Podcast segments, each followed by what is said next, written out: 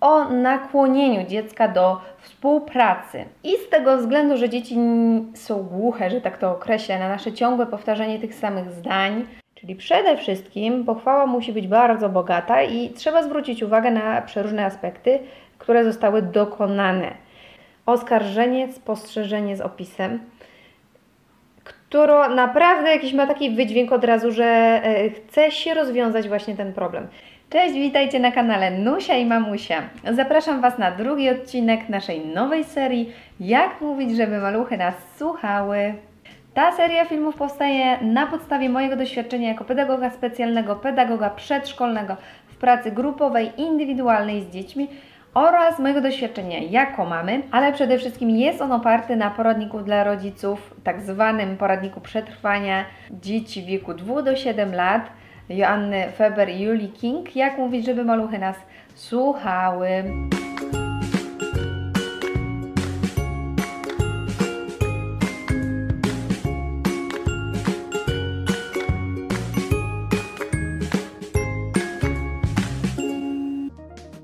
Narzędzie ósme. Napisz liścik. Liścik może być fajną formą e, przekazania dziecku naszych oczekiwań. I nie musi to być taki typowy liścik, mama oczekuje od ciebie, tata oczekuje od ciebie. Nie do końca o to chodzi. Chodzi o krótkie informacje, które podamy dziecku, e, w których chcemy zapisać czego właśnie od niego oczekujemy. I w książce mm, naszych e, autorek Julii King i Joanny Feber mamy przykład, kiedy dzieci nie chcą się kąpać. Czy, czy komuś jest to znana? znana sytuacja. Słuchajcie, jedna z mam wymyśliła zaproszenie na kąpiel. O 18 wypisała, że rozpoczyna się wielkie otwarcie kąpieli. 18.15 zaczyna się kąpiel z bąbelkami, na przykład. 18.20 rozpoczyna się kąpiel z zabawkami. E, dzieci dostały bilety i powiedzcie mi, które dziecko nie chciałoby wziąć e, udziału w takiej fajnej zabawie. Inna e, metoda, inny sposób, bardzo fajny dla zmęczonych mam i tatusiów i nie tylko. Chodzi tutaj o moment dla siebie. Czy to też Wam jest znane? Kiedy chcecie coś porobić, niby dziecko jest coś zaangażowane, niby dziecko ma jakieś zadanie, ale ciągle słyszycie: Mamo, pomóż, mamo, nie to, mamo, inne, mamo, przynieś, mamo, a to, a widziałaś? I człowiek nie ma kiedy odpocząć. E, nawet czasem, jak wstanie wcześniej, to, to, to nie jest to możliwe. I właśnie jedna z uczestniczek kursu mm, Joanny Feber i Julie King, Julie King opowiedziała historię o tym, jak rano specjalnie wstaje wcześniej, żeby wypić sobie samotnie herbatę, kawę w kuchni. Nie lubiła bardzo tego, mimo że ustaliła z córką, że jest to czas dla mamy, chwila dla niej, nie wchodzimy wtedy do kuchni.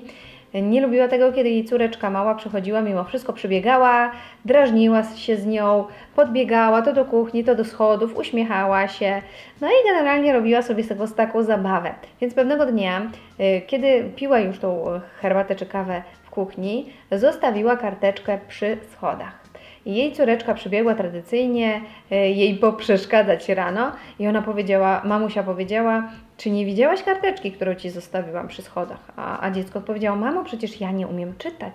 No tak, więc ja Ci mogę to przeczytać. I na kartce było napisane kuchnia czynna od siódmej a że dziewczynka miała w pokoiku swój minutnik, jakiś zegar do nakręcania, mama po prostu poszła z nią do pokoju, nakręciła ten zegar i słuchajcie, dziecko grzecznie bawiło się, spędziło ten czas w pokoju i dopiero jak minął czas, zeszła do mamy do kuchni, a mama, mama miała chwilę dla siebie.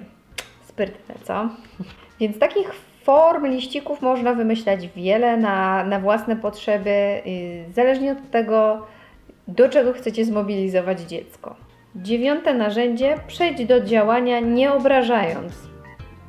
Bardzo fajne narzędzie, które w skrócie mówiąc określa dziecku, że nie jest na coś gotowe, jeżeli wykonuje daną czynność niepoprawnie bądź używa pewnych e, narzędzi, rzeczy, przedmiotów niepoprawnie.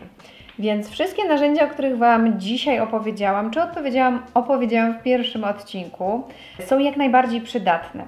Oczywiście nie zawsze zadziałają. na każde dziecko i nie będą wiecznie działać.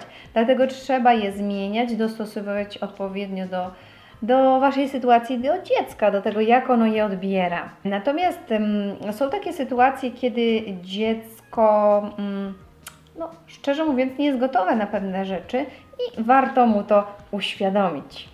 Metoda narzędzie, o którym Wam teraz opowiem dokładniej w przykładach, ma na celu nie strofować dziecka, tylko udzielać informacji, naprowadzić, pozwolić wyrazić nam nasze uczucia i emocje. Więc dziecko w żaden sposób nie jest strofowane ani oskarżane. Dla przykładu, dziecko nie chce jeździć na rowerze w kasku, więc możemy powiedzieć w takim razie, jeżeli nie jesteś gotowy na rower, na jeżdżenie rowerem kasku na bezpieczną jazdę, schowamy rower e, do momentu, kiedy będziesz na to gotowy. My mamy często takie sytuacje, że Natalia chce mi pomagać w kuchni czy przy jakichś czynnościach domowych. Z metod wychowawczych wiecie, że jak najbardziej e, w te czynności domowe ją angażuję i to jest e, jeden z naszych sposobów spędzania czasu i nauczenie się przeróżnych umiejętności, rozwoju, bo na różnych płaszczyznach też w czasie wykonywania tych umiejętności e, staram się wprowadzać jakieś nowe rzeczy, ale są momenty, w których nie mogę pozwolić Natalii na pomoc, na przykład kiedy może się poparzyć, kiedy może coś rozlać.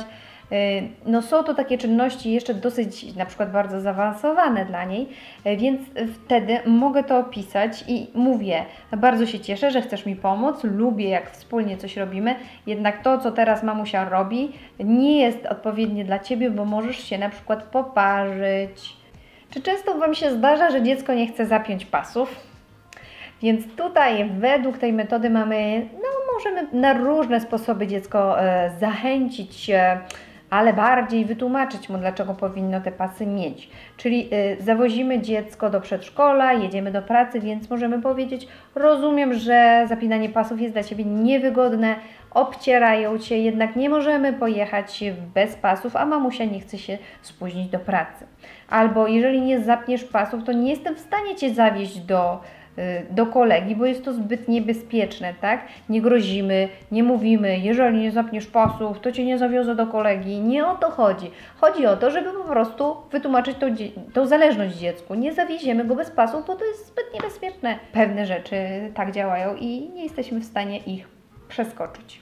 Kiedy dziecko obsypuje inne dzieci piaskiem, bądź maluje i zaczyna, nie wiem, pryskać farbą, zaczyna podczas jedzenia coś robić, rozwalać jedzenie i nie jakby nie kontynuuje czynności jedzenia, malowania, y, lepienia y, czy tam y, budowania z piasku, wtedy możemy to opisać. Widzę, że nie masz ochoty na budowanie z piasku, nie masz ochoty na jedzenie, nie masz ochoty na malowanie.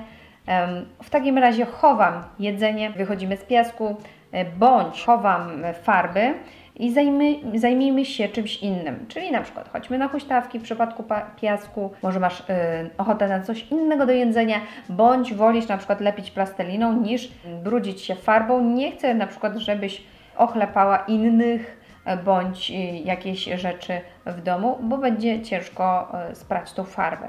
Tak jak wspominałam, temat y, nakłaniania dziecka, wymyślania przeróżnych zabaw, sposobów, na początku może się wydawać y, bardzo absorbujący i ciężki.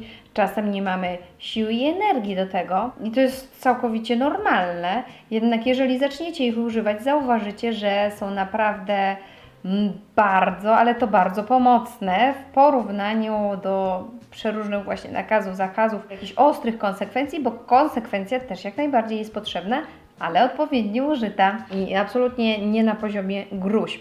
Więc jeżeli będziecie mieć te wszystkie narzędzia e, fajnie opanowane, to zauważycie, że dziecko będzie chętniej z Wami współpracowało. Atmosfera będzie o wiele lepsza i Wy będziecie łagodniejsi, cierpliwsi i spokojniejsi. A jak rodzic spokojny, to i dziecko spokojne.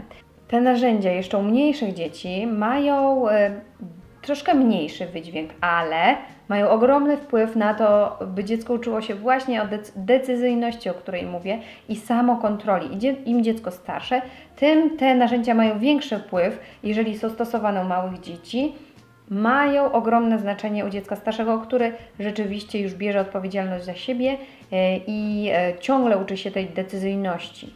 Jest coraz więcej badań, które wskazują na to, że dzieci, które e, są zrozumiane um, i w odpowiedni sposób pokierowane, lepiej funkcjonują chętniej wykonują przeróżne rzeczy e, typu sprzątanie czy wypełnianie właśnie naszych próśb niż dzieci, które są cały czas kontrolowane i strofowane, bo one nie są nauczone e, tych zachowań, a jedyne, jedynie są przyzwyczajone do ciągłego takich gruźb, że ktoś nad nimi musi stać, żeby to zrobiły. Natomiast jeżeli nas tu nie będzie, będzie inny opiekun, który nie będzie tego wymagał, to te dzieci absolutnie nie będą tego robić. Te dzieci, które, e, z którymi staramy się współpracować, lepiej będą współpracować w przyszłości z nauczycielami, z innymi, z rówieśnikami. Chętniej będą kontrolować same siebie, nawet bez dopilnowania ze strony osób dorosłych. Za każdym razem, kiedy coś robicie, zwróćcie uwagę, czego uczycie dziecka. Nie tylko w bezpośrednim zwracaniu się do niego, ale w jakichś takich reakcjach naszych e, na jego poczynania na przykład i zwróćcie uwagę, że mm, to w jaki sposób z nimi rozmawiacie i jakich narzędzi wychowawczych używacie, uczy to e, pewnych rzeczy. A siłowo na pewno nie wypracujecie u dziecka samokontroli e, czy podejmowania dobrych decyzji. Mam nadzieję, że film Wam się podobał. Jeśli tak, prosimy o kciuki w górę, subskrypcję, udostępnianie. Dajcie znać w komentarzach, jakie macie podejście właśnie do tych metod, do tych narzędzi. Odwiedzajcie nas na Instagramie, tam jest nas więcej. A na dzisiaj to tyle. Trzymajcie się, papa! Pa.